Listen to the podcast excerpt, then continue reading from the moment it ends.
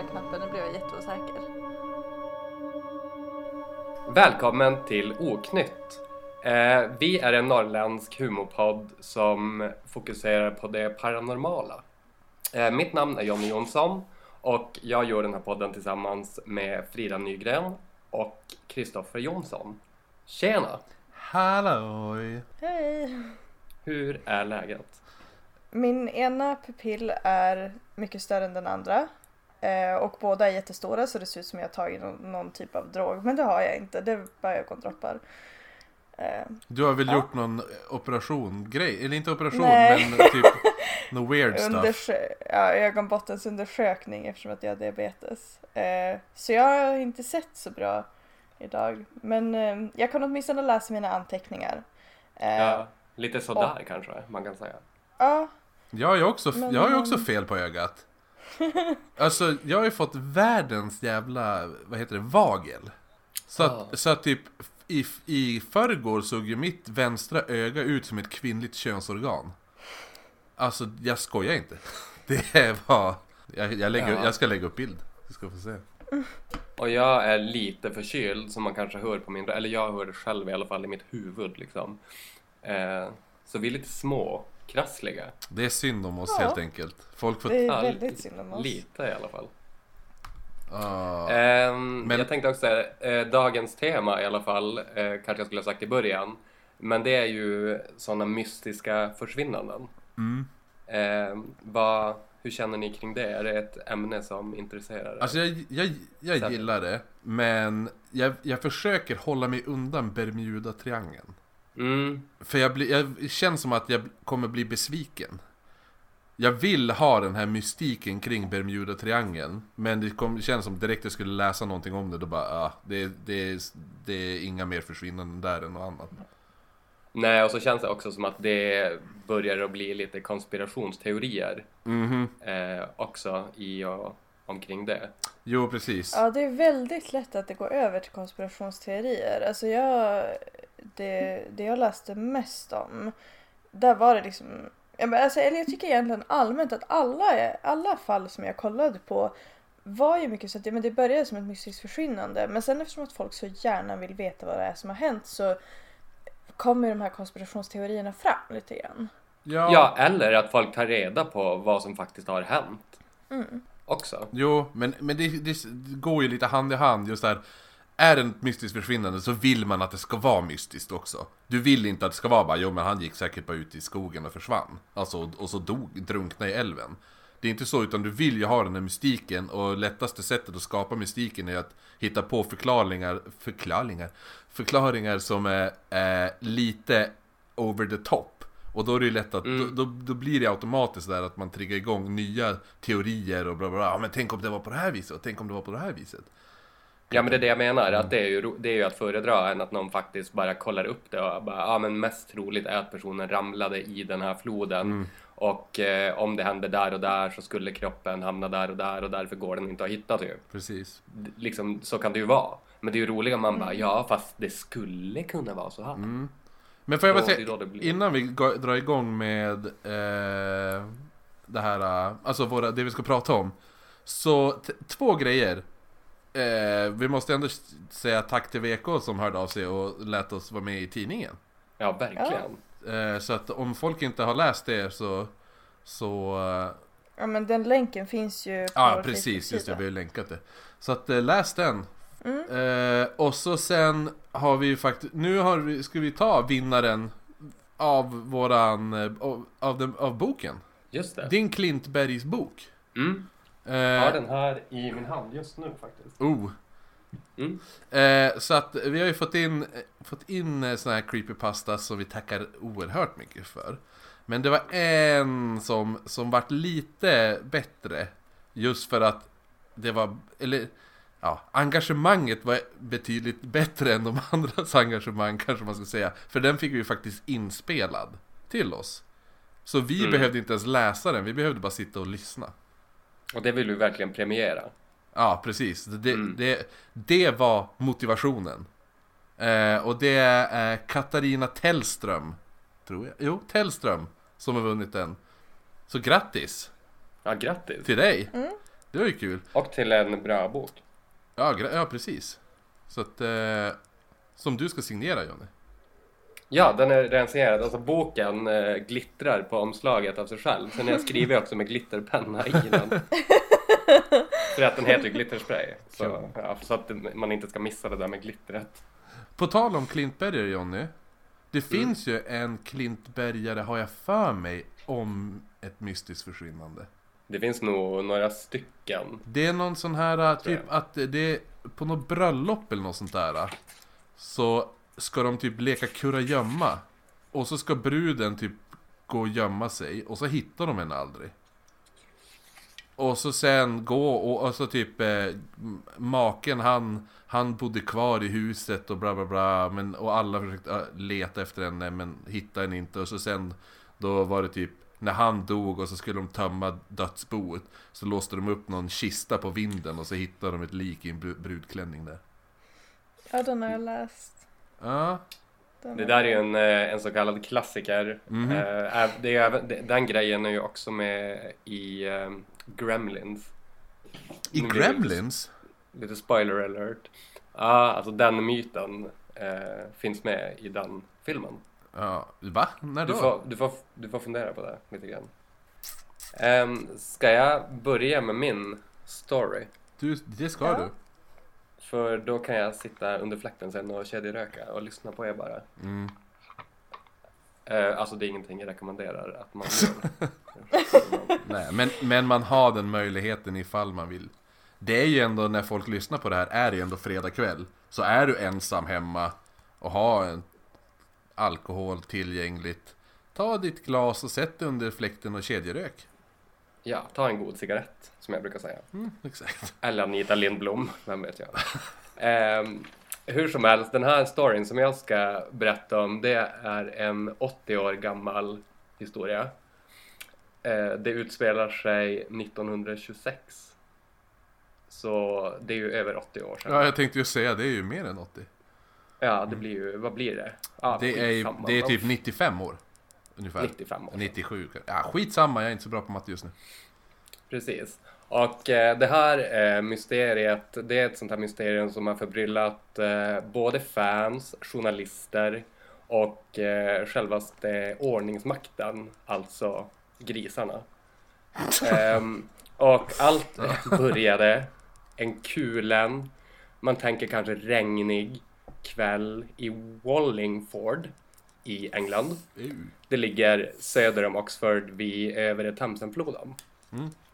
Och eh, där var det en kvinna som var precis i mitten av sin karriär. Och eh, den här kvällen så går hon upp på övervåningen och kysser sin sovande dotter. Och sen lämnar han henne och sin man utan ett ord och kliver in i sin Morris. Är det en Eh? Det är en sån här, det är en sån här Downton Abbey-bil typ. Mm. Och sen kör hon iväg. Dagen efter hittar man hennes bil kraschad i ett dike utan ett spår av kvinnan. Eh, denna kvinnan hette Agatha, Agatha Christie! Yes! Yes. Eh, den kända deckardrottningen från England. Man kanske skulle kunna kalla henne för deckargudinna istället. Oh ja. Jag, jag känner jag vill inte liksom beblanda henne med Camilla Läckberg och dem. Ah, Alltså Camilla, okej. Folk får tycka vad de vill om Camilla Läckberg, men jag har fan svårt för Camilla Läckberg. Ja, skitsamma. Don't get me started. Eh, I alla fall, eh, i flera dagar letade ju då över tusen poliser och frivilliga. Eh, fans förmodligen. Hon var i, liksom, i mitten av sin karriär. I, liksom, det gick bra för henne. Hon var väldigt, väldigt känd 1926. Eh, teorierna blev såklart många. Eh, just med att bilen var kraschad och så. Eh, dessutom så fanns det en lite mindre sjö precis i anknytning till den här platsen där bilen var kraschad. Eh, så att eh, då eh, liksom fick ju många, te- eller många teorier var ju att hon hade dränkt sig i den sjön. Andra trodde att det var ett PR-trick eh, just för att hon var en deckarförfattare. Eh, vissa trodde att det hade med hennes man att göra. Att eh, han hade mördat henne helt enkelt. Ja. Eh, det var ju sådana teorier eh, som var relaterade då till eh, mysterier och mord. Det är ju ganska logisk teori också. Man går väl... Oftast är det ju maken som har gjort det. Mm, Så det är ganska logiskt att tänka så. precis. Och det som också pekade mot hennes man då, det var att han eh, just under den här perioden hade en affär Oh. eh, med en annan kvinna.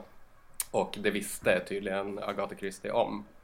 Eh, så att det var väl därför också att det blev eh, ganska logiskt att man misstänkte honom för det. Eh, under den här tiden hon var försvunnen så eh, gav sig Sir Arthur Conan Doyle Oh, in, yeah. han gav sig in i debatten igen. Det är alltså... eh, Det är alltså Sherlock Holmes författaren va? Precis. Och eh, jag pratade ju om han i ett tidigare avsnitt när han också yttrade sig i... Eh, då pratade vi om förbannelser. Om Ja, just det, ja. eh, Tutankhamons eh, gravkammare där. Och eh, han, eh, Conan Doyle var ju väldigt intresserad av det här eh, okulta. Och, så att han fick tag i en handske som hade tillhört Agatha Christie och gick till ett medium eh, för att liksom få reda på vad som hade hänt henne. Eh, framgår inte vad han fick reda på, men ändå roligt. Eh, I alla fall till slut, 11 dagar senare, hittar man Agatha Christie på ett spahotell. Där hon alltså har då bott de här 11 dagarna under ett påhittat namn. Och det är alltså trots då att eh, hon var en superkändis på den här tiden och eh, den här nyheten om hennes försvinnande hade till och med stått i New York Times. Eh, liksom som är en bra bit från England kan man säga. Ja men vi var inte... Jag, alltså, jag får, du kanske förstod det att jag, jag visst, vet om den här historien. Men var Mm. inte hotellet i New York också? Har jag för mig? Eh, det tror jag inte. Nej, det kan bara... Det kanske är för att jag, det är det där med New York Times som spökar. Att det var det. Ja, jag tror det var i England. Eh, det spekuler- började ju då spekuleras om eh, att hon hade någon slags minnesförlust och sådär. Eh, men eh, vissa påstod också att det var för att eh, just där hon kraschade bilen, det var jättenära där hennes mans älskarinna bodde. Och att eh, det var för att eh, grusa hans planer på att besöka henne den kvällen då. Och att det skulle få han att...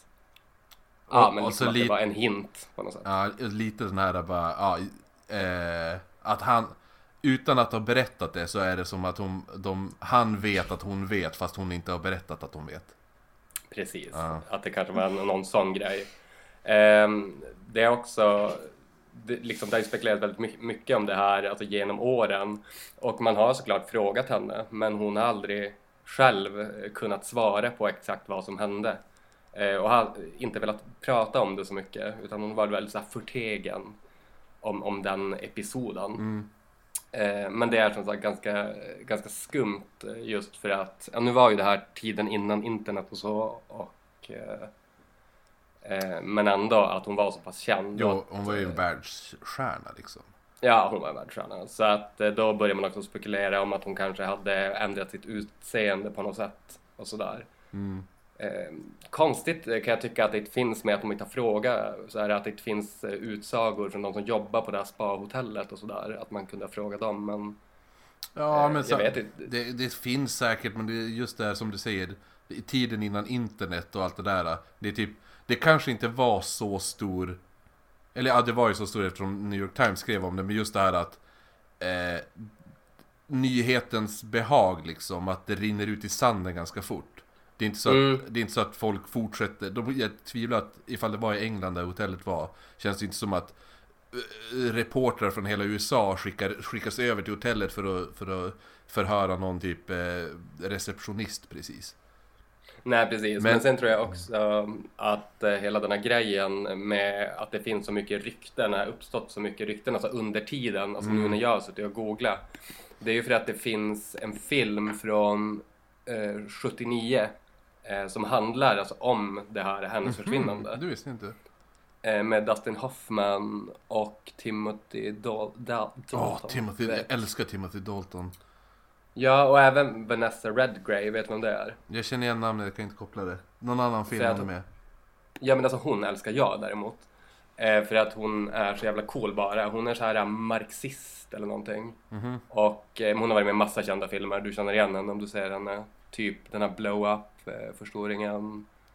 Eh, Mordet på Orientexpressen, det är ju en Agatha Christie. Alltså gamla, gamla mordet på Orientexpressen. Ja, den från 74. Ja, hon Eh. här ja! Ja, ja. Hon Ja. är ju med i Mission Impossible ju. Ja, och det coola, hon fick ju ett jätte så här, prestigefyllt pris på Stockholms filmfestival. Alltså Lifetime Achievement Award. Jaha.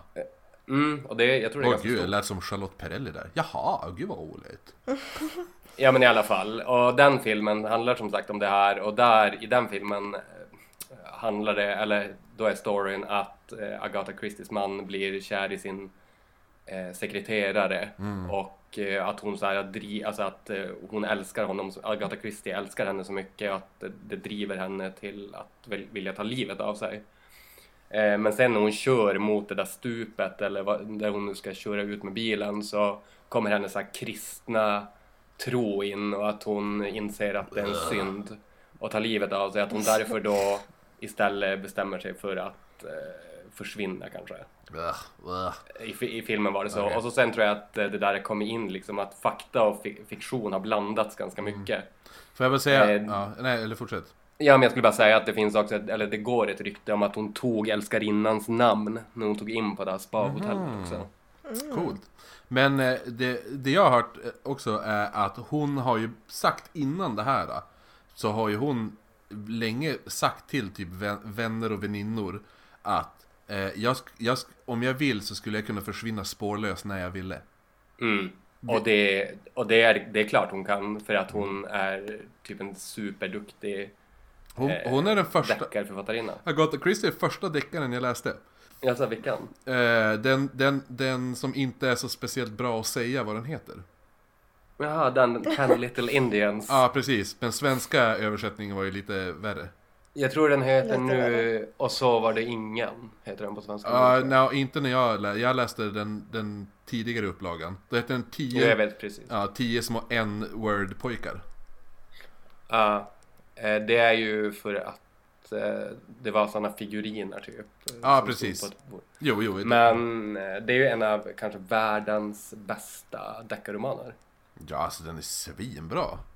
Och Det är så, ju en jag tror jag var... låsta rummet eh, bok, eller Ja, det precis. kallas så. Jo, Mm. jo. Eh, men Låsta rummet det är väl eh, Conan Doyle va? Jag vet finns det, alltså det är ju mer ett eh, uttryck. Jo, men jag, jo, Alltså, jag vet. Men, genre. men jag har för mig att... var det kommer ifrån. Jo, för det, jag tar för mig att det är en Sherlock Holmes-grej. Att det är första gången det här låsta rummet-fallet. Mm, Alltså, säkert. ja, ja, skitsamma. Men, ehm, jo, nej, det är första, första deckaren jag läste. Ändå lägga ribban ganska högt kan jag tycka. Ja, jo, men jag visste Okej, lite var för titeln kan jag nog säga. Jag bara, dude, vad fan är det här för jävla bok? Nu måste jag läsa. Och så sen läste jag den och bara, den här var riktigt, riktigt bra. Ja, precis. Alltså jag tror jag har dubbla. Vi skulle, ska vi lotta ut den också? Jag har den. Vi kan göra en ny tävling om vi orkar. Orkar vi det? Eh, vi orkar det, men vi måste... Vi, vi, vet du vad vi gör? Vi sparar den här boken. Du vill bara bli av med dina böcker, John. Nej men det är jag, bara, med, bara om jag har dubbletter. Jag, Nej, jag men- kan inte göra mig av med böcker. Ja, nej men det, jag tänkte så här, vi måste komma på en ny, eh, en bättre tävling, eller inte bättre, men alltså vi måste komma på en, eh, en ny sorts tävling. Inte skicka in creepypasta, vi måste komma på en bra. Eh, vad ska de, hur ska de göra för att vinna den här boken? Hänger du med? Precis. Vi, det får vara en ehm, cliffhanger. Är, det, Eh, är den så mycket, jag tror du folk vill vinna den här boken då? Det, det tror jag definitivt. de Ja, ja vi får se. Det tycker jag. De bör. Alltså det är en Frida, har du läst eh, boken? Som man bör ha Nej, läst, det har tycker jag jag. inte. Vad sa du Jonny? Jag tycker det är en bok man bör ha läst. Mm, jo precis. Så Frida, du kan ju vinna boken. Om du vill. Yay! Fast det blir kanske Mm. lite nepotism. Ja. Ja. Kanske. Eh, jag tänkte bara avsluta, jag är snart klar med min eh, historia. Men eh, i alla fall att det är lite oklart och det är lite mystiskt. Eh, och nu, för några år sedan, är det en, en viss Andrew Norman som eh, beskrivs som en tidigare eh, doktor.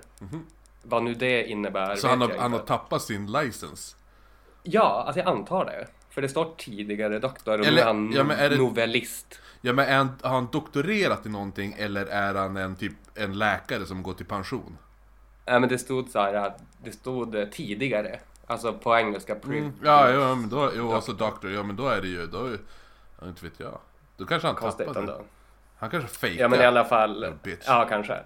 Men han har i alla fall en teori om att eh, Agatha Christie har drabbats av ett extremt ovanligt fall av en slags psykotisk trans. Mhm. Och det kan man få till exempel av ett trauma eller en depression.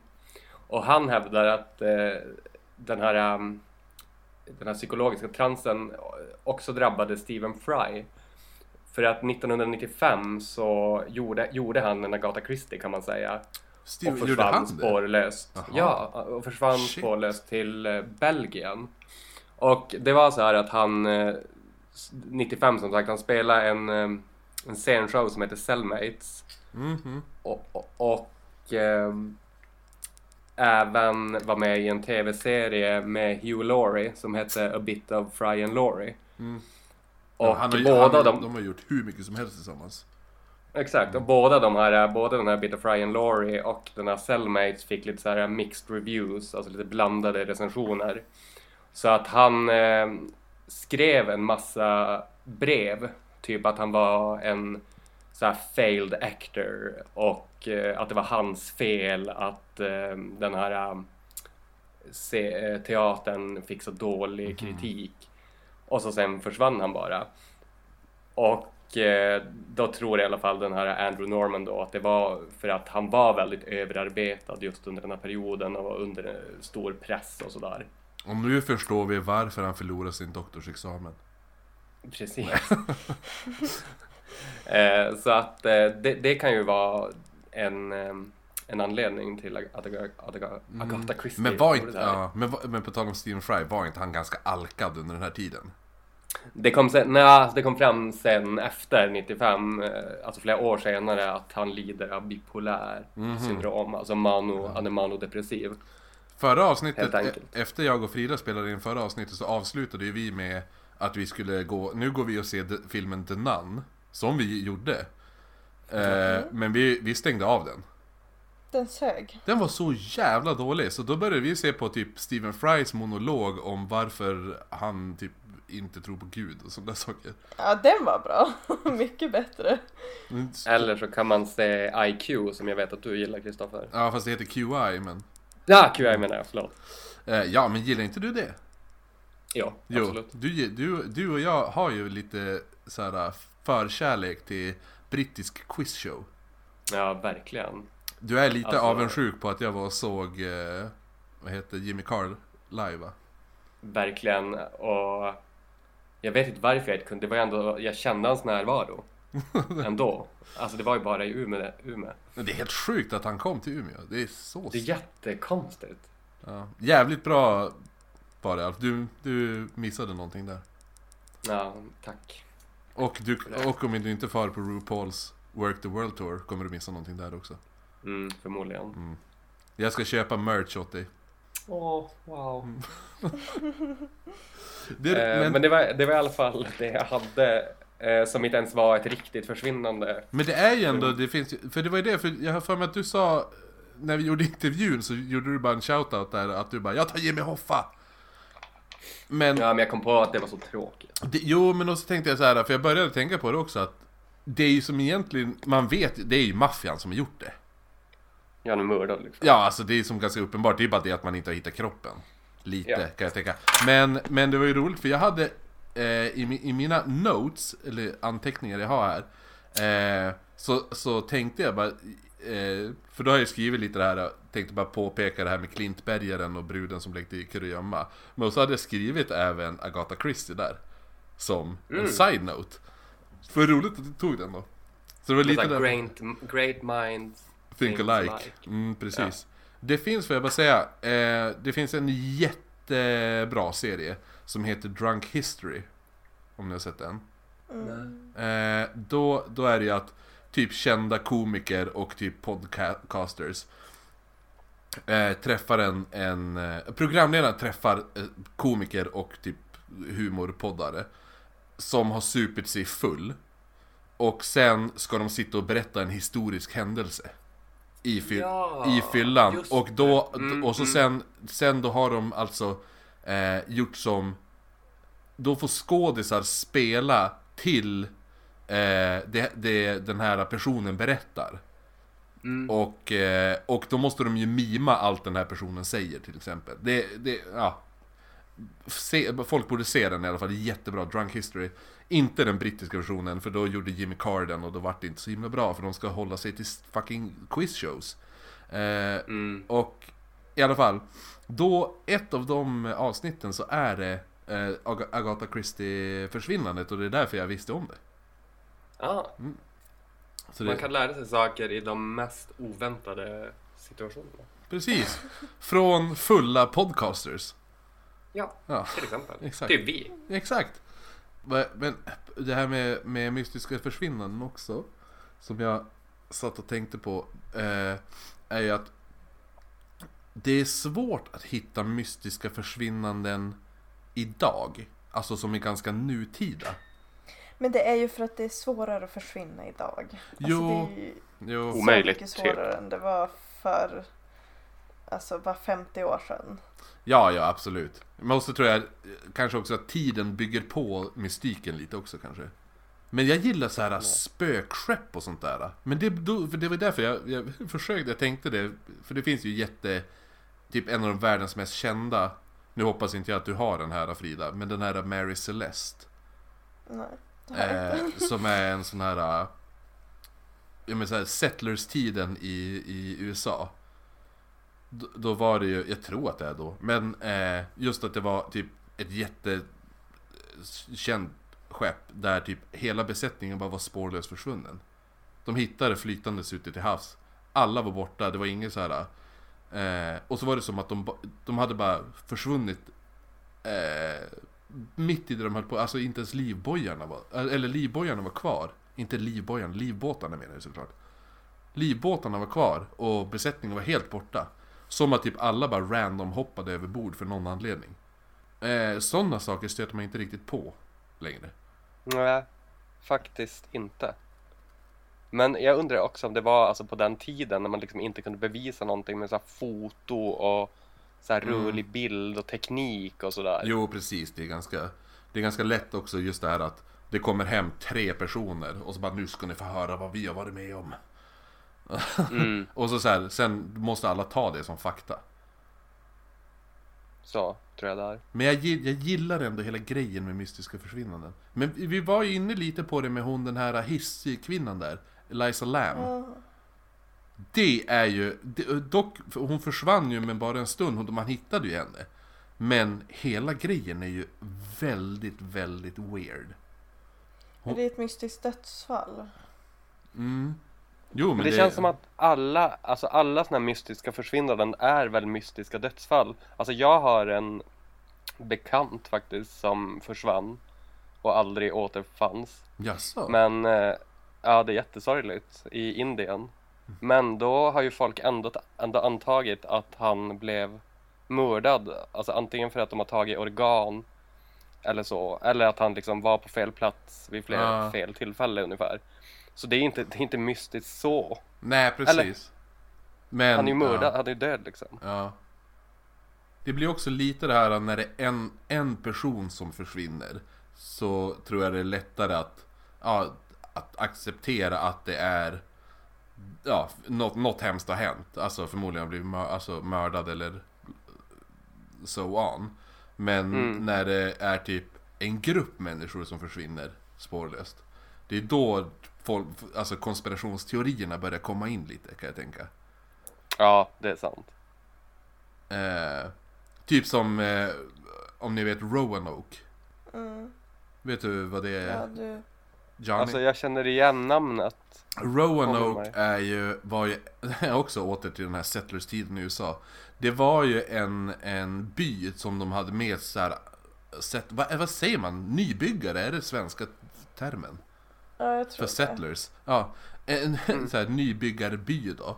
Med, med, I USA. Där Eh, ja men det var som en by som var så up and coming, thriva lite. Och eh, då skickade de iväg ett skepp för att hämta mer folk som skulle komma in till byn och utöka och bygga ut den här byn då. Ehm, och då när skeppet kom tillbaka då var alla helt spårlöst borta. Och det var liksom att de hade försvunnit i mitt i det. Det var inte ens, alltså... Eh, så här, mat stod på borden och alltså precis som att de bara hade sl- släppt allt de gjorde precis den stunden och bara stuckit. Inte- Ja, och typ hade det varit idag, att det hade hänt idag, Mm. det hade det ju förmodligen aldrig hänt för det första. Och för det andra, om det hade hänt, då hade man ju tänkt aliens. Precis. Men på den, på den tiden, tänkte, tänkte de aliens redan då, eller vet du? Nej, någon- nej, nej, det gör de inte. Utan det enda de vet Alltså det enda de vet det var att det fanns ett träd där Och då hade någon ristat in typ Cro Croatian eller något sådär Kro Kroation, vänta jag tror, tror jag att det var Croatoan, typ.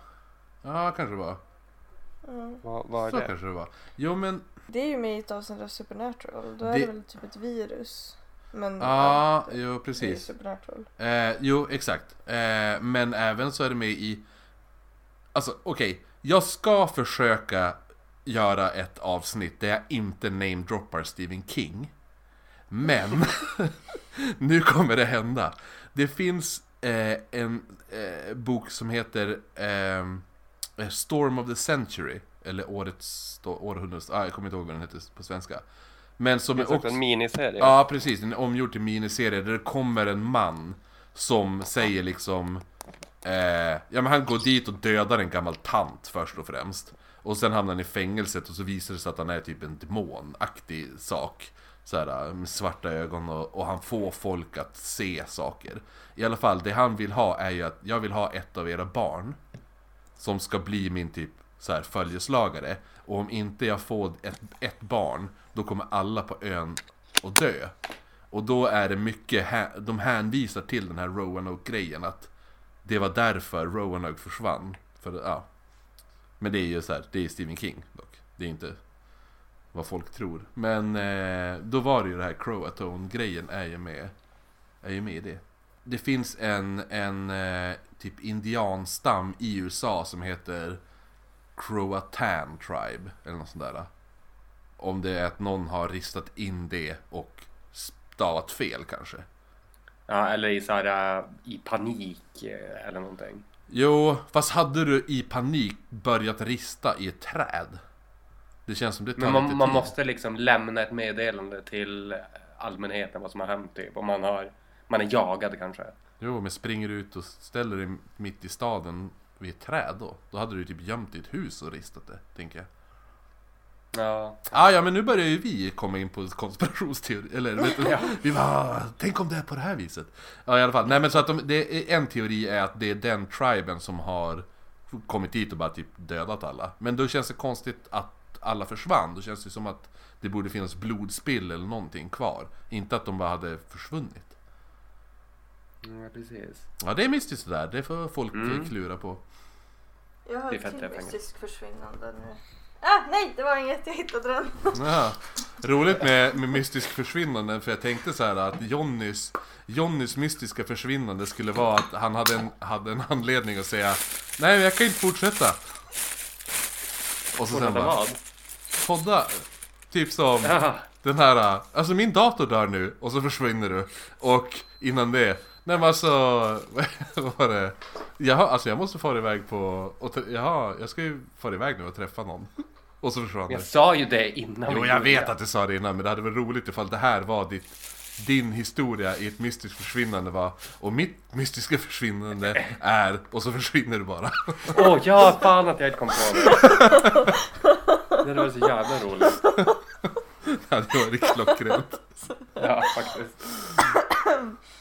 Mitt är från Spanien. Oh, Det är... kommer du köra det på spanska också?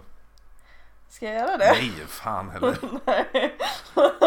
Ehm, nej men det är eh, försvinnandet i Somosierra. Vad heter det? Eh, och det är förs- Somosierra. Så, vad betyder det? Eller hette hon det? Eh, det, blir- alltså, det, he- det, det är en plats. Jaha okej okej ja. Ja, ehm, Och det är, det är väldigt omtalat i Spanien. eh, Och benämns i spansk nyhetskälla som ett av Europas mest mystiska försvinnanden. Men det kan jag tänka mig att det är många som gör. Ah, jo, jag kan tänka mig att det finns typ så Aftonbladet har nog några svenska för, så här, mm, Som är Europas mest mystiska. Ja. Mm, I alla fall. Ehm, den 26 eller 25 juni, det står lite olika beroende på var man läser, men 1986 i alla fall fraktar lastbilschauffören Andrés Martinez Gomez Ja, Andres, 20 000 liter svavelsyra Oj från. Cartagena till Bilbao i Spanien. Och det är en ganska lång sträcka så det, Bilbao är ändå ganska långt söderut och nej, Nähä. nu vart det fel. Eh, Cartagena är ganska långt söderut och Bilbao är nära franska gränsen. Mm. Så det är en väldigt lång sträcka. Eh, och hans fru och tioårige son Juan Pedro vill gärna se just den här delen av Spanien och följer därför med på Juan, resan. Juan Pedro är typ det mest stereotyp spanskt namnet jag har hört i hela mitt liv. Ja. Men i alla fall. Eh, runt sextiden på morgonen stannar familjen till på ett värdshus i Cabanillas för att äta frukost. Eh, och servitören som serverar dem kommer ihåg familjen eftersom att pojken är helt klädd i rött. Alltså röd tröja, röda byxor, hela paketet. Han var på väg till sån här uh, bullfighting. Ja. Mm. Men inget annat med familjen sticker ut. De beter sig precis som vilken annan familj som helst med på genomresa. Eh, och det är då när familjen lämnar värdshuset som någonting går fel. För det här svintunga fordonet som de har eh, börjar köra alldeles för fort. Alltså uppemot 140 kilometer i timmen. Var det en lastbil Eh, och- sa du? Typ en tankbil. En tankbil var det? Ja, ja just det, Ja. svalsyra ja. Mm. Mm. Eh, och enligt vittnen så bromsade föraren, alltså pappan, tvärstannade och gasade sedan upp i 140 km i timmen igen flera gånger. Ehm, Skumt. ja. Och enligt, nu kommer ett ord här som jag inte vet vad det betyder. Eh, enligt förskrivaren, jag antar att det är någon grej i bilen, jag skulle ha kollat upp det här men det händer inte. Eh, men i alla fall, enligt den så stann, tvärstannade tankbilen 12 gånger eh, under den här timmen efter att de lämnat värdshuset. Och sen i en brant nedförsbacke i bergspasset Puerto de Somosera så krockar de med två andra bilar, välter i ett dike och den här svavelsyran rinner ut. Mm. Eh, två kroppar hittas. De är svårt sargade, brända och det är föraren och hans fru. Och det är först när farföräldrarna undrar var deras barnbarn finns som Juan man inser att det Pedro. funnits Ja, så man inser att det funnits en tredje person i bilen. Och det enda spåret efter pojken är när de till slut hittar en av hans skor i förarhytten. Mm. Weird. Och den, förs- ja, den första tanken var att pojkens kropp redan hunnit, hunnit lösas upp av svavel, svavelsyran eftersom att ja, han är ganska mycket mindre än en vuxen person. Mm.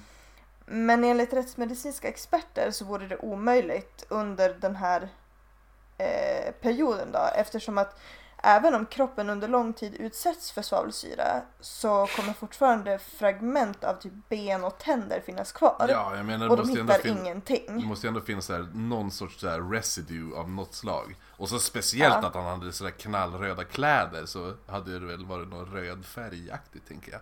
Ja, men och det är som sagt om det utsätts under väldigt, väldigt lång tid. Och Mm. det fanns ju vittnen till den här kraschen så att alltså så himla lång tid tog det inte. Alltså, Ehm, alltså fy men- fan vilket sätt att dö på. ja, jo. Alltså det, det, det, det, det är såhär... Det, det, har, har ni sett, Johnny du har sett första Robocop-filmen va? Eh, ja, men för mm, väldigt länge sedan. Ja, för där är det en person som typ hamnar i svavelsyra och så går han ut och håller på att typ fräta sönder. Sen kommer Robocop och kör över han och så blir det bara splutch. Jag tänker på det. Vi lägger upp en bild på han. Fortsätt. Men eh, då börjar man alltså fundera på om pojken kanske har tagit sig ur vraket och irrat bort sig någonstans i området. Men det här fallet har fått jättestor uppmärksamhet i Spanien och flera skallgångar har hållits utan att man ens har hittat något spår av pojken. Alltså ingenting. Och det är när myndigheterna börjar förhöra vittnen som det blir lite obehagligt, lite sketchy. Ooh. Eh, folk som har sett den här tankbilen köra längs vägen berättar om en vit Nissan Mm. eh, som har kört framför den på samma konstiga sätt. Alltså genom att växla med att köra jättefort och att tvärbromsa. Så det var den som Eh. gjorde att lastbilen gjorde så eller?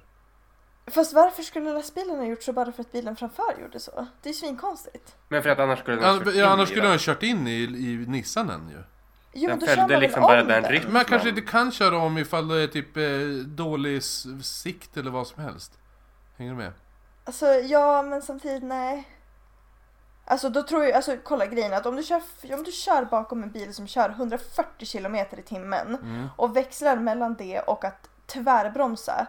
Tror du att du gasar upp i samma hastighet då när du märker att föraren framför dig är helt knäpp? Alltså då kör man ju antagligen lite försiktigt, alltså man kör ju inte fort Mm, då. Ja, men har inte lastbilar typ en så här... äh, Ja, eller just det, den får, ja precis, den får inte... Ja, att lastbilen också gasar upp till 140 ja. Ja, Ja, men Nej, alltså kan det inte vara då att, framför. att eh, den, eh, de i lastbilen då, den fa- familjen, eh, att, för visst var familjen i lastbilen, eller vad? Ja. Ja, exakt. Eh, att de så här vill eh, vara tvungna att säga någonting till den här föraren, typ att eh, det sitter en mördare i baksätet! Typ. Mm. Eller att så här, någonting är fel som de måste informera om, typ. Nej men jag tänker, jag tänker lite så här att... Vänta, när- alltså lastbilen var ju bakom den här Ja, andra exakt. bilen. Att de bara Ja. såg någonting på den här äh, lilla, den här Nissan. Att de bara såg, bara, oj shit, de, eller den bilen har punka typ. Fast det borde man ju känna, men typ något sånt. Men jag tänker lite det här att, att när lastbilen väl började gasa upp Så tänker jag att det var för att Då tänkte de bara, nu kör vi om den här vita Nissanen Och så sen, men då började den i vita Nissanen gasa upp till 140 Och så sen Ja, så måste det Ja, vara. och så sen då Jo men de behöver ju inte tvärstanna för det. Fine alltså om den här vita nissen tvärstannar. Men då gör den ju det flera, alltså då är det klart att man tvärstannar själv. Ja, Men då gör den ju det flera gånger. Alltså det är 12 Jo. gånger stannade den här tankbilen. Varför? Alltså, ja men lyssna Nej, här jag tycker att det är väldigt nej, stor nu lyssna, nu, hör, nu håller du käften och lyssnar Nej, alltså, men Alltså så här, jag tänker så här att Lastbilen Den här Nissan kör sakta och då tänker lastbilen så här: okej då kör jag om den här Och så sen börjar den gasa upp, men då börjar den här vita Nissan gasa upp till 140 Men lastbilen bara, ja men jag ska köra om den Och så sen då när den väl kommer upp på 140 och då bara okej skitsamma, då slutar den försöka köra om Och då tvärs Men- Då tvärstannar Nissanen framför, då är lastbilen tvungen att stanna framför och Men Kristoffer? ja. Han har sin familj i den här bilen. Alltså han har sin tioårige son. Du, jag har varit Skulle arg du på... Köra som en knäpp jä- Alltså skulle du Äh, liksom ja. låta din familj få äh, det? ja. Ja okej, men det ligger ju på dig. Men nu vet jag hur det är faktiskt. Alltså, så här är det ju. Att eh, pojken, den här tioåriga pojken, eller var han tio? Ja. Det var han som Han- körde! Nej, han är såklart kidnappad och befinner sig Ja! i Nissan Men jag såklart. kommer till det! Du har Oj, läst det. Jonny! Förlåt, förlåt. Okej, fortsätt! Okej. Mm, Ehm, nära olycksplatsen finns det två herdar som vaktar sina får. Och de observerar en vit skåpbil Nej. som stannar till. När var det här? Vad? När var det här? Eh, det var 1986. Herdar, okej. Ja, fortsätt. Ja. Mm. Eh, de observerar en vit skåpbil som stannar till vid vraken efter kraschen. Och ur den här bilen kliver två långa bleka personer i vita rockar ur. Ooh. Hämtar ett stort bylte ur lastbilshytten som de kastar in i sin egen bil och kör sedan iväg. Oj då. Ingen vet vilka de här personerna var. Eh, det kan ju ha varit pojken som var i byltet. Eh, men levde han då? Eller var han död? Var det ens han? Vilka? Alltså, ja, mm, I alla fall. Eh, och det ingen som vet svaret på den här underliga händelsen. Men det här, här blir lite spök, Mm, mm, mm. spöken. Späken, Eh, späken. under stormiga nätter sägs det att man kan se en ensam rödklädd liten pojke som vandrar ensam, ensam vid vägarna längs Somosierra. Mhm. Men gud, vad heter det på spanska? Den rödklädda pojken? Kan inte du säga det på spanska? Alltså, Desredos poikos. Nej. Nej men alltså just klädd vet jag inte men alltså Men röd den- är den- ju rojo och pojke är ju niño så typ el niño en rojo någonting. El niño blarojo. Ja, det lät väl Nej. coolt. Mm. Det är mitt nya band. Jag ska starta ett band som heter det. Ja i alla fall. Eh, nu kommer jag till lite spekulationer. Yes. Eh, det finns spekulationer om att en pedofilring alternativt en skum sekt har kidnappat pojken vid värdshuset och att pappan försökt köra ikapp dem. Och att de alltså var i bilen framför. Mm. Men varför tvärstannade han så många gånger? Och därför alltså det är ju fortfarande lite... Jo, Jo, därför, men att, därför att jävlas med pappan. För ifall han Jo men tvärbromsar. varför tvär... Ja, men... Då måste pappan tvärbromsa för pappan kommer ju inte vilja köra sönder bilen med tanke på att han, hans son sitter där och han bara ja men min son, det är dumt att krossa bilen med svavelsyra. Men kan det inte också vara så att om man kör en stor lastbil att det är svårare eller tar längre tid att accelerera upp Ja, eh, om man är absolut. på låg växel? Absolut. Och att det är därför han vill slåa ner dem så att de kan dra iväg fort med en mindre bil. Men vilka var de här vitklädda personerna som stannade vid vraket då? Några doktorer. Säkert han den där doktorn som hade tappat licensen från förra historien. Vad, vad tog de ur bilen då? Som att åkt i en sån här tidsmaskin från 1926. Nej, det var ju nyss för fan, förlåt. Kan inte ens min egen research. Nej men jag är inte, nej men vadå? Alltså, så att, ja, så att de, efter kraschen gick de och hämtade någonting där. Ja. Ja men det var ju pengarna för lösensumman! Hallå! Ah, Okej, men i alla fall. Ja. Eh, en till teori är eh, något form av familjegräl. Alltså kan det ha berott på ett gräl mellan föräldrarna som slutade med att antingen båda eller någon av dem dödade pojken och dumpade kroppen. Mm. I så fall kan den här konstiga körningen bero på känslosamma gräl mellan föräldrarna. För man är ju, ja, alltså, man är inte så smart. Nej men jag, jag, tyck, Alltså, jag tycker då, då låter ju eh, körningen betydligt mer logisk att att eh, de körde så för att bromsa ner för att få lastbilen att stanna och sen gasa upp för att lastbilen har svårt att gasa upp och alltså var pojken i bilen hela tiden. Mm, låter mer eh, troligt. Ja, istället för att bara Åh, jag är så arg, nu kör jag snabbt, nu vart jag ledsen, då bromsar jag. Det Ja, men, ja, eh, men fortfarande så finns ju ingen förklaring till de här vitklädda personerna. Och det är ju samma sak med den här sekten. Alltså om, visst om de här vitklädda personerna, Mm. alltså att de kanske var Fast nej, Jag har svårt... Sektmedlemmar, Ja. de har väl ofta vita kläder? Ja, men jag har svårt för, för vitklädda människor just för att vit, vitklädd kan ju betyda så mycket. När någon Typ säger... spöke eller sektmedlem? typ. Ja men, också, men men ifall någon säger ja men det, då kom det ut två vitklädda människor Då tänker man ju att de har typ långa vita rockar på, alltså typ såhär, vad heter men det? det Såhär, hade de ju. in, nej men vadå, du säger ju bara i, vitklädd, han kan ju ha typ Ja, vit, vita shorts och en vit vit- skjorta Vit rock, i början så sa jag vit rock, det första jag sa Det sa du var faktiskt vit rock. Nu ska jag vara tyst Ja. Och jag tänker också att en person som inte är jätteinne på kläder och så skulle säkert kunna kalla typ en kaftan för en vit rock. Som Ah, inte så här precis. är, ja, säkert. Men vitt, Typ en äh, vitt känns ju väldigt sekt, alltså vi måste göra ett sektavsnitt Please Ja, tack. Ja. Men eh, sen finns det en tredje teori, men jag tycker att den är ganska... Ja. Mm. Eh, det är i alla fall att eh, pappan eh, kunde ha varit inblandad i någon form av narkotikasmuggling och därför blev pojken kidnappad. Men den här teorin förklarar inte särskilt många av de andra konstiga omständigheterna. Nej det känns Alltså, inte som det- så här typ maffian har vita kläder Det, vad, vad kom vi fram till förra gången? Att man, det känns som att de famlar efter halmstrån typ. Ja förra avsnittet tänkte du Ja. När du satt mitt emot mig och typ försökte nypa mina ögon. Jag bara, vad fan gör du? Du bara, jag gestikulerar, greppar efter halmstrån. Ja, ehm, så två frågor som jag har är ju varför var han pojken helt klädd i rött? Alltså fine, det kan ju ha någon förklaring. De kanske tyckte att det var fint. Det kanske var deras stil. Mm, Men det är fortfarande lite, ja. Eh, och vem fan skjutsar sin familj i en tankbil som innehåller 20 000 liter svavelsyra?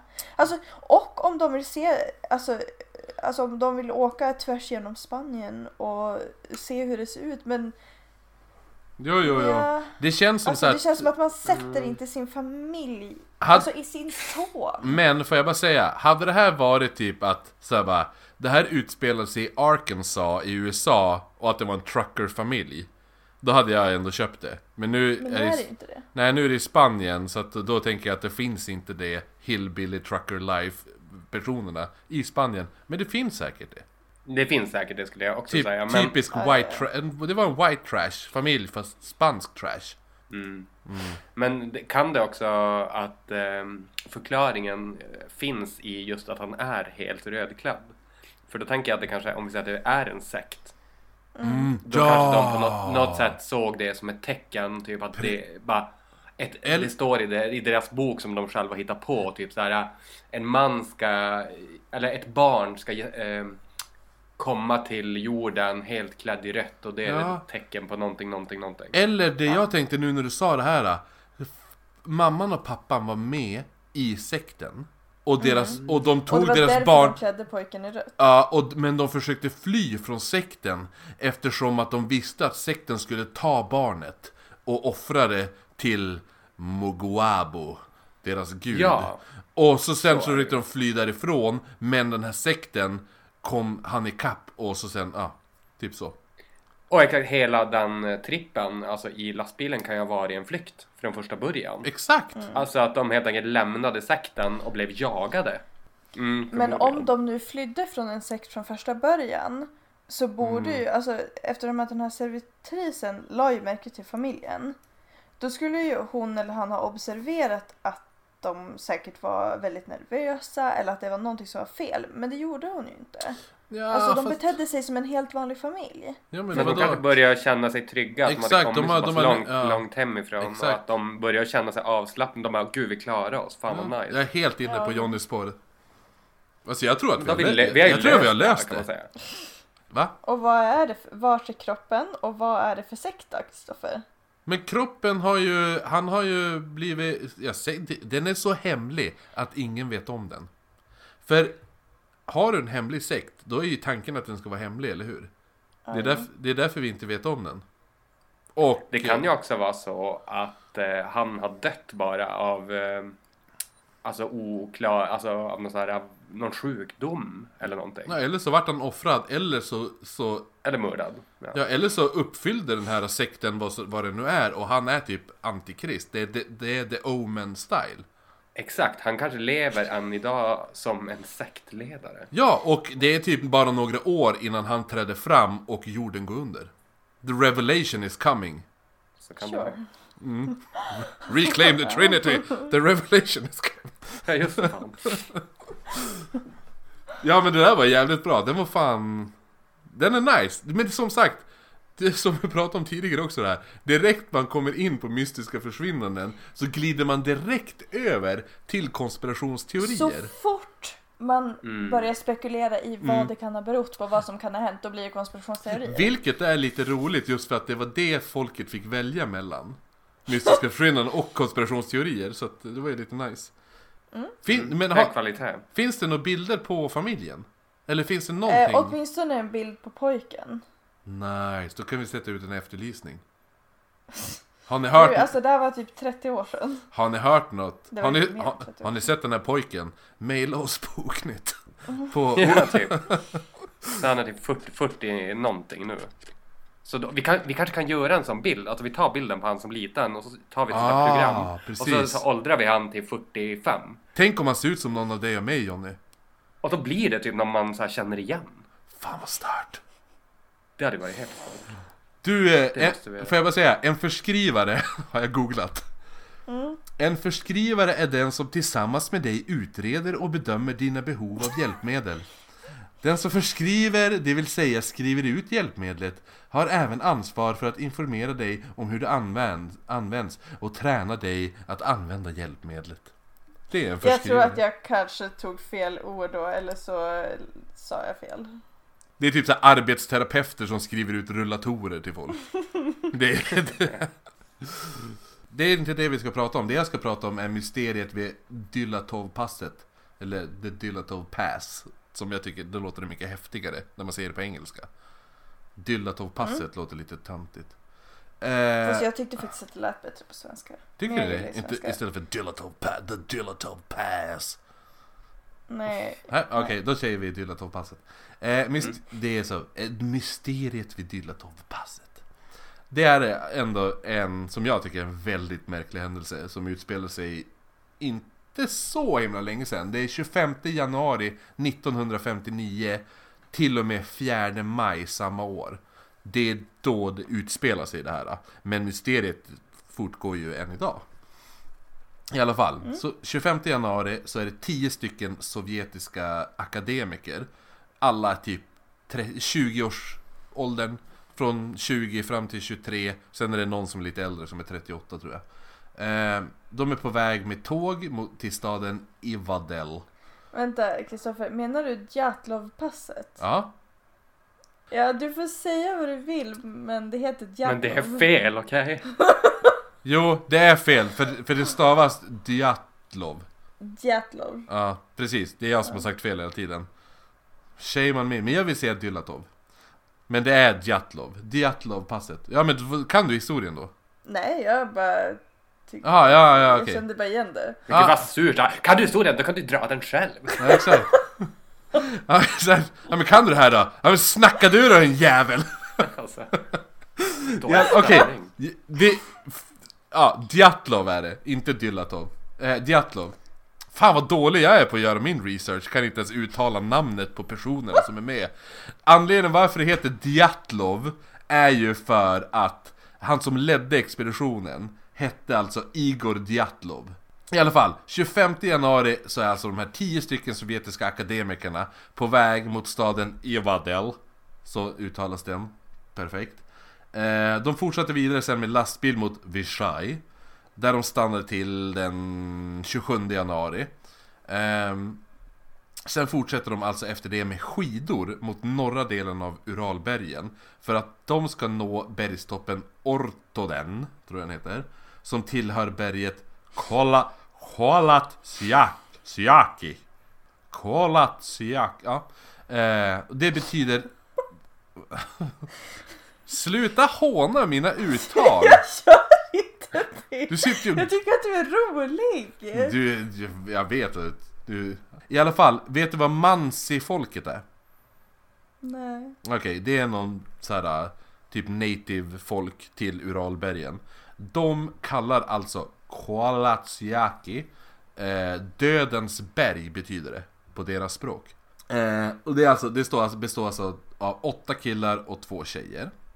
Och då var det alltså Igor Djatlov, Jurij Doroshenko, Lyudmila Dubinania, Jurij Kovryshenko, Alexander Ko- Kolevatovov, Sinada Kolomogorova, Rustem Slobodin, Nikolaj Thebo Begonels och Siemon Solotorajov. Och så sen den sista som jag gillar som fan är Jori Jemovic Jodin.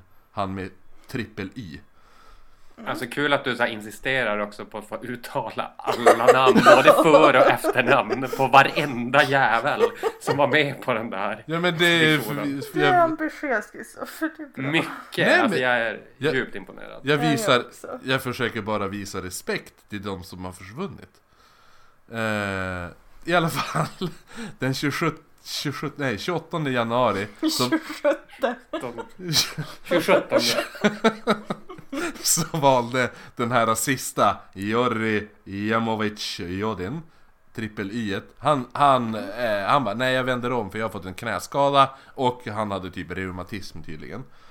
Gruppen Eh, de sa hej då och bla bla bla och så fotade de det här. För det är det som är grejen med hela den här expeditionen. Allting finns fotat och extremt Åh. mycket foton. Det är hur mycket foton som helst. Eh, Ja, det älskar jag. Eh, för det var två personer som hade med sig kameror och de bara maxade fotografier. Eh, anyhow, eh, de fortsatte att skida igenom den här tundran och ingen tänkte så mycket mer på det. Utan de bara, "Ja, men nu åker vi. Och alla bara, okej, gör det. Hörs lite senare. Men den här Djatlov hade ju lovat att skicka ett telegram när gruppen kom tillbaka till staden Vishaj. Eh, vilket skulle vara typ inte senare än 12 februari hade han sagt. Men eh, inget meddelande kom och det var som ingen som reagerade på det för ibland tar det lite några extra dagar att eh, meddelandet kommer fram med telegraf och det där. Eh, för det här är ändå Sovjet liksom, det, då använder man så här telegram. Då fanns det inga telefoner. Eh, men den, när det hade kommit upp till den 20 så började de här anhöriga bli oroliga. Så då, de tjatade och tjatade och krävde en sökpatrull som skulle skickas ut. Eh, och den 26 februari så fin, alltså de skickar ut en sökpatrull och den här sökpatrullen hittar alltså den 26 februari någonting som är weird as fuck. För det som verkar ha hänt är att gruppen svängde av för tidigt upp mot berget. Eh, de tänker att vädret kan ha gjort att det är svårt att navigera. Men väl över krönet på ena bergssidan så valde gruppen att slå läger. Fastän det var väldigt så här, utsatt eh, mot så här, storm och snö och kyla och allt sånt där. Och bara hade de gått snett neråt en, en och en halv kilometer så fanns det ett skogsbryn där, där de kunde fått bättre skydd. Som... Eh, Eh, men i alla fall, det som hände sen har som ingen riktigt fattat. För sökgruppen som hittade tältet hittade alltså tältet sönderskuret inifrån. Och så sen var det fotspår som ledde fr- ner eh, från tältet ner mot skogsbrynet. Och så visade det sig att det var inte att de hade kutat ner, ungefär, man kan ju tänka att det, ja, det, det är en lavin och så skär de upp tältet och springer. Eh, Det är inte så, utan de har bara skurit upp tältet, sen har de vandrat därifrån, men har lämnat typ alla kläder. Så de, vissa har gått barfota i typ minus, ja, typ så här. fatta eh, Sovjettundran liksom, hur kallt blir det inte där? Eh, Shit. så att, så att för i tältet så fanns det skor och, och skidor och allt sånt där. Eh, en, många hade gått barfota, en person hade gått bara med en sko. Eh, och, så just, ja, och så just att de hade bara gått, alltså inte skyndat sig ner från tältet utan bara promenerat barfota i ryssvintern. Ja så, men någon har ju tvingat dem med vapen såklart. Ja, det, Ja. vi har kommit till teorierna. De följde i alla fall spåren som ledde ner mot skogsbrynet. Och där fanns det en så här halvtaskig lägerplats hittade de där. Och så kropparna av de här två andra jorisarna. Eh, eh, de, och de var i princip nakna. De hade typ t-shirt och kallingar. Eh, trädet som de låg nedanför hade avbrutna grenar. Så att när de började inspektera grä- trädet så kunde man hitta hudrester från de här två på barken på trädet ända upp till fem meter. Gud. Vänta, Eh, va? Ja. Fem? Så att de har försökt, som att de har försökt klättra upp för trädet typ och sen... Mm.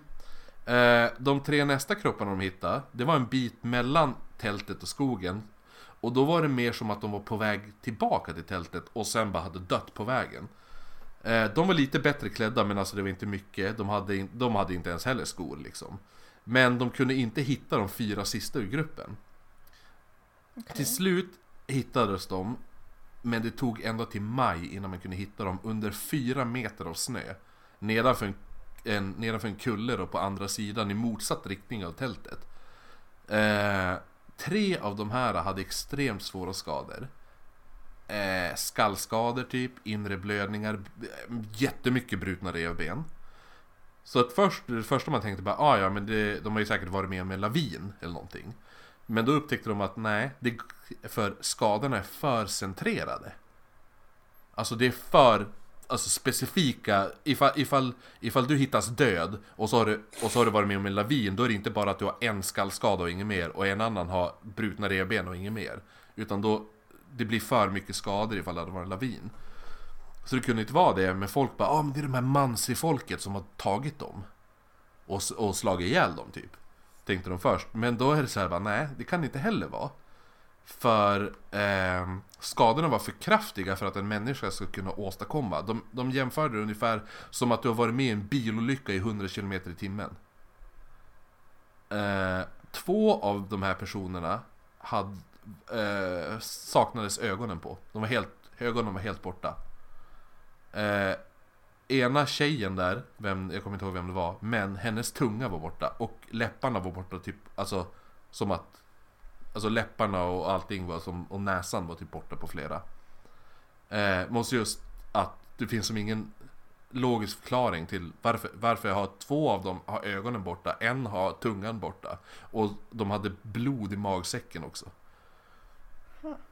Ehm, och det här blodet i magsäcken är ju lite vad folk kan tänka att det betyder att hon var vid liv när hon förlorade tungan. Ja, just det. Och för någon anledning, för de som utförde den här sökningen var ju faktiskt militären. Så hade man bara med sig sån här Geigermätare för att mäta radioaktiv strålning. Det känns som, skickar du ut ett search party så tar du inte med dig en Geigermätare. Nej, Tänk- det fan, varför, varför då? Ja, men de gjorde det i alla fall och det visade sig att två av de här personerna var, gav kraftiga utslag och var radioaktiva. Eh, sen stängdes det här fallet. Och motiveringen var att de mötte ett hinder de inte kunde klara av. Och sen förbjöds folk att vistas där i tre år. Det var förbjudet att gå där. Några saker undanhölls dock av militären. Eh, en grej, märkligt nog, samma kväll som det här Djatlov-gänget omkom så såg en annan grupp ungefär typ fem mil därifrån Såg tre ljuspunkter på himlen i riktning mot den här Dödens berg då. Eh, och det var orangea ljud, ljus till exempel. Eh, för någon, ja, jag vet inte om det har någon betydelse men det var orangea ljus i alla fall. De här ljusen rapporterades också från staden, den här staden Ivadel. Under hela februari och mars. Och sen visade det sig också att de här kropparna som de hittade hade en orangeaktig hy och grått hår. Lite som Donald Trump. nej, men, nej men just det här att det är lite weird att undanhålla den grejen också just det här. Vad är det som gör att man får orange hy och så har du legat typ död i månader? Ja, det är lite konstigt. Och att, och att hårfärgen ändras till grått. I alla fall, eh, enligt vissa rapporter fann man också så här metallbråte i trakten. Vilket folk tror kan vara bevis på så här hemligt vapentest. För det här Dyatlov-passet, som det nu heter då, ligger bara några, ligger, eller några, jag vet inte hur nära det är, men det ligger väldigt nära eh, militärbas. Mm. Och rapporterna är ju hemligstämplade och blev tillgängliga igen 1990. Inte alla dock. Eh, det är därifrån typ all fakta är ifrån när de släppte den 1990, men allt släpptes inte. Men då är det en utredare som vittnar om att det finns uh, uh, det, det var det som stod. Utredaren som höll i det här, han säger att, att det finns ingen logisk förklaring till vad som har hänt. Och 2009 så upptäckte man att det man trott har varit sista bilden som togs från deras kamera inte alls var sista bilden. På den sista bilden, då är det taget i så här becksvarta natten och så är det suddigt men det syns en ljuskälla långt bort. Och sen visar det också sig att den här Simon, eller vad han hette, hans ansikte var ju typ helt borta. Men, när de kollade han, så hade han inte samma DNA som sina släktingar. Mm. Så att... Eh, Alltså, hur länge, hur länge tog det innan man hittade dem? Eh, från att de mest troligt försvann? Eh, man vet att det är... Det, händelsen hände typ 2 februari och de sista kropparna hittades eh, eh, i maj någon gång. Ja, men då kan jag lösa det här mysteriet också. Ja, du, har, du har din teori Jonny om det här. Du har ju Ja, läst det. Jag- Men ja, jag måste bara säga innan du säger din teori så finns det faktiskt en teori. Jag hoppas inte det är din teori. Men det finns faktiskt någonting som heter den ryska getin. Och det... Jag hoppas ju att det är min teori som är den rätta. Okej, och Vi det är... Mm. Ja, jag tror så här. Eh, om du säger att det var en militärbas nära. Mm. Eh, jag, jag tror att uppenbarligen har de ju på något sätt eh, antingen sett någonting de inte får. Ehm, eller, och eller att de har blivit tillfångatagna och experimenterade på. Och det, därför att de har, några hade eh, utstrålat radioaktivt. Ja, radioaktivt. Och det förklarar ju också då kanske färgen, eh, att de har gjort något slags ex- experiment på dem. Mm, och att en Ehm. inte har samma DNA som sina släktingar. Ja exakt, något så här skumt att de har bytt så här ryggmärgs... eh, Är det vätska? Ja, som man byter, då tror jag man får ny. Alltså jag tror att eh, DNA... Eller att Ja. han lever och att någon annan militär fick ta hans plats och det är därför de fuckade upp hans ansikte och slet bort läppar och grejer. Ja men exakt, alltså då kan det vara att de har tagit ut ögonen för att de ska göra något med dem eller så här för att dölja någonting. Att de har gjort något med ögonen innan och sen måste ta ut dem för att det inte ska synas vad de har gjort. Eh, det kan ju också vara så att de har så här, testat dem i något experiment, typ så här, utsatt dem för en jättefarlig, jättearg, Yeti. ett, jät- ett djur typ. Alltså kanske... Den ryska getin. en, Nej men jag tänker kanske en eh, schimpans typ. Bara för att se Ja, så här, ja. hur schimpanser attackerar en människa. För det Mm, vet man ju mm, inte. För att mm, man har väl vapen och sånt och security. Alltså gjort sådana här sjuka experiment. Precis. Men alltså, Det är min, det är eh, min teori. vad heter men också just det här att, jag måste bara säga, det finns ju sjukt mycket bilder som jag sa från de som har, alltså under expeditionen och sånt där. Men det finns jätte, jättemycket bilder från, ehm, från utredningen. Alltså de som, när de har tagit kort på tältet och tagit kort på liken och allt det där. Ja, coolt. Men jag, jag lägger upp, jag tror jag, jag, tror jag lägger upp typ eh, tio bilder, alltså en, en Instagram-grej med tio bilder från hela, bara just den här. Mm. Men, jo, men den, den som är nu, som verkar vara den mest troliga, som folk säger, är att de tror att det har varit, det har varit ett hemligt eh, vapentest från den här militärbasen. Och, Ja men det är ju typ ja. det jag säger. Jo, Ish.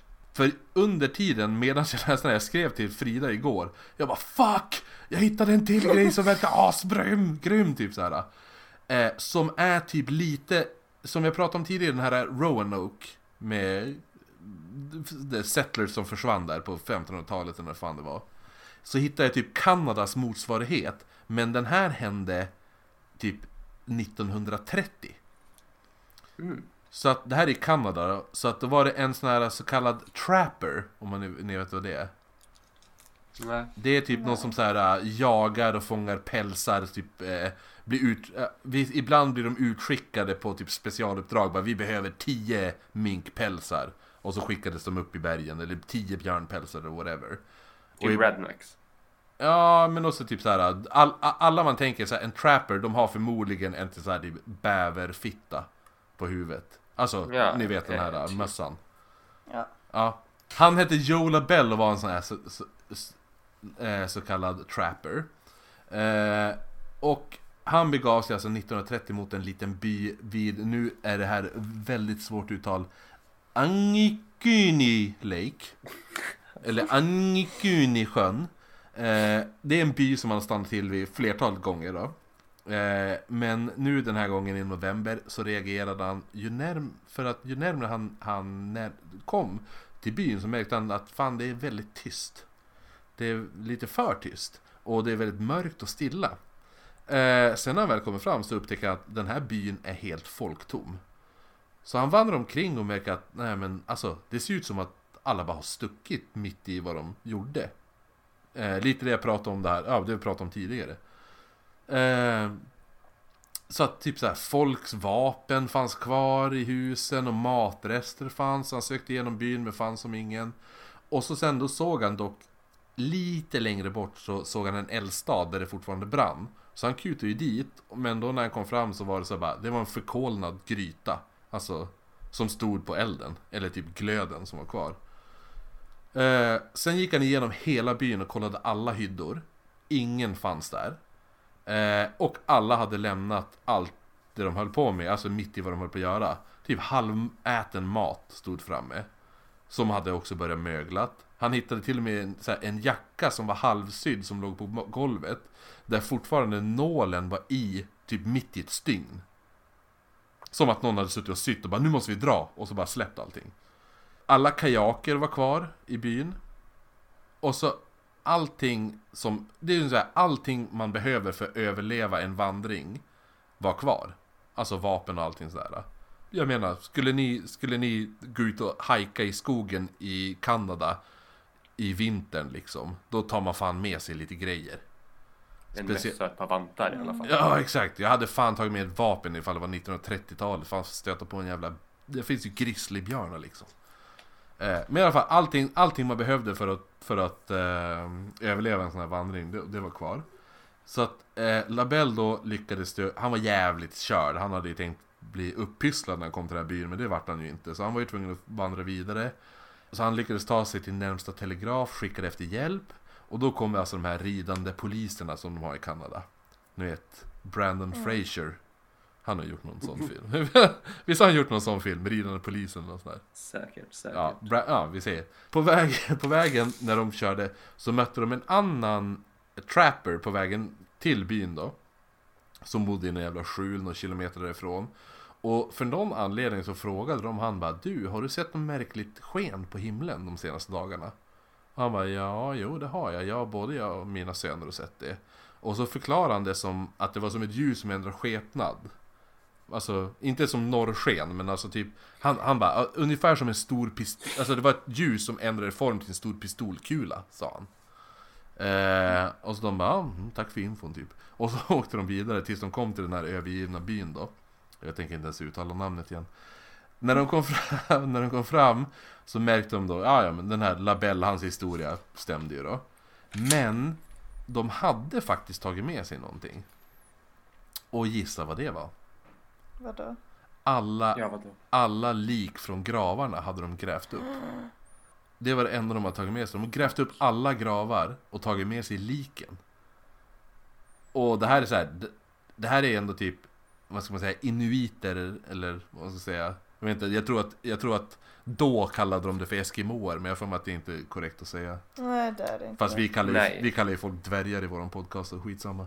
Eh, gravskändning för dem var i alla fall inte, det var ju tabu liksom. Det fick man absolut inte göra. Men de hade bara grävt upp alla gravar. Och då är det lite så här, ja, i november. I Kanada. Det är så här, lite Det fruset. går inte. Nej. Så att, och så sen alla gravstenar hade de lagt upp i två så här, fina högar hade de byggt upp med alla gravstenarna. Och sen såg de också 300 meter utanför byn så såg de en till ganska så här nasty upptäckt. För där hittar man sju hundar döda som var fastbundna vid ett träd och de hade dött av svält.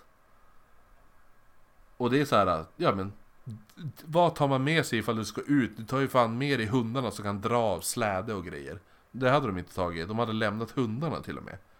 De, de gjorde, två veckor tog det undersökningen här då. För de här ridande Brandon Fraser-poliserna. Och fastställa den här, eh, vad som har hänt då. Och det, det de lyckades fastställa var med hjälp av bär som fanns i folks mat. Som de hade lämnat. För då var det så här, de här bären plockar man vid den här tidpunkten. Så då kunde de fastställa att det har gått eh, två månader sen alla stack. Men då är det ju lite den här, vem fan var det som hade startat den här elden när han Labelle kom? Oh, Ja, jag har en teori Ja, ändå. Alltså jag tänker att någon, typ, det var på 30-talet sa du? mm. Kanske, prick 1900, det var 1930 var det. När började typ andra världskriget? Va, 35? Nej, 37. Ja, Okej, det var så pass sent. Ja, men i alla fall att någon form av eh, typ stat har eh, tagit dem och eh, för att utföra experiment. Jag tror det var lite så på den tiden på 30-talet. Fast det Ägdes inte, typ, ägdes inte eh, Alaska av Ryssland här? Vid den här tiden? Nej men typ att ry- ryssarna kanske åkte dit och de bara vi behöver en massa folk som vi kan göra tester på. Vi tar Mm, någon sån här mm. by som ligger typ mitt in ingenstans. Det kan också kanske förklara då de uppgrävda gravarna att de skulle göra tester med ben eller Ah, kolla om precis. förruttningsprocess, alltså hur länge det tar för en kropp och så här. Men varför frågar de här uh, Brandon Fraser-poliserna Varför frågade de om de här ljusskenen i? Ja, det kan jag inte riktigt förklara. Men jag tänker alltså just här ljussken och sånt. Det var ju även det i din andra historia. Eh, Mm, Att det mm. kanske bara är ett tecken Precis, på att det det varit någon Det där. är ett tecken på att det finns ryssar i närheten. Ja, ja, alltid så. Nej men att det kan ha att göra med att man helt enkelt har lyst med någon slags stor lampa. Eh, Ah. För att, ja men du vet, någon, eh, i pra- praktiska skäl. Faktiskt. Ja, Det är det enda, enda jag kan komma på som skulle kunna vara en... Det, den, din mest logiska förklaring. Exakt, Det- om man nu måste... Annars är det ju aliens. Han, han, ja, för det är det som är den, den mest populära teorin är ju aliens. Ja. Och vi vet ju alla Fridas eh, syn på aliens. Va, nej. Eh, alltså, Frida hatar ju alien-grejer. alltså jag, inte, jag skulle inte säga hatar. Jag skulle säga att jag bara tycker att det är en lat förklaring. Och jag tror inte på aliens och jag tycker att aliens är tråkiga. Alltså det är, nej jag tycker att det är tråkigt. Men det är väl klart du tror på aliens. Om vi säger så här, spöken är ju en... Det är ju betydligt mer lat förklaring än aliens, skulle jag säga. Jag skulle säga att det är Det precis samma jag. sak. Ja. Alltså i eh, dålig Jag- förklaring. För jag inga, håller i så fall med Johnny. Det, ja, alltså jag tycker det är samma sak att säga bara ah, men det var säkert aliens eller bara ah, men det var säkert spöken typ eller ett spöke. Ja, det är du, ju när man du inte kan förklara li- någonting helt enkelt. Jo, jo, jo, jag förstår det. Men det känns ju ändå, för mig känns det ändå som en liten mer, s- så här, det finns en större plausibility att utomjord, alltså inte att utomjordingar finns här, men att det finns utomjordingar överhuvudtaget. Ja men det tror jag väl. Ja, än att, om man säger så här. Tror du att spöken finns, då borde man ändå tänka att, ja men då finns fan utomjordingar också. Allt, allting är alltid, blir ju alltid en lat förklaring ifall man bara, ja ja men det var ju säkert eh, någonting vi inte kan förklara. Det är samma sak som, ja ja men, det är samma sak som att tro på Gud.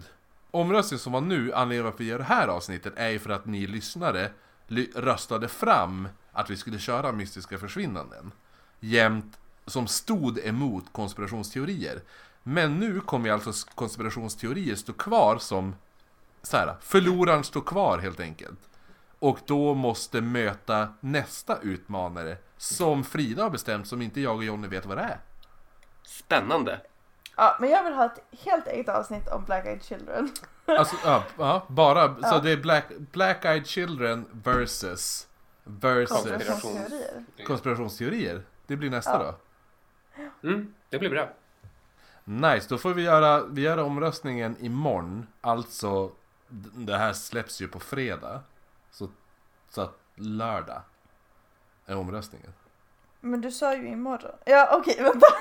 Ja, jo, det är det Jag menar. nu jag. Så att för er som lyssnar, om ni lyssnar nu på fredag, då är omröstningen imorgon, lördag. Röst, lyssnar ni nu på lördag, eller ja, på lördag, då är omröstningen just nu. Så då måste folk gå in på vårt Instagram, kolla vårat, eh, våra händelser och där kan man rösta. Och så får man vad trycka. snyggt du vävde in det där. Vadå? Med att liksom eh, promota våran Instagram och Facebook. Ja, jo, nice, nice. Jag lär mig. Snyggt. Ja, ja verkligen. Jo, så, så vi tre blir tillbaka om två veckor då. Och då kör vi det som röstas om.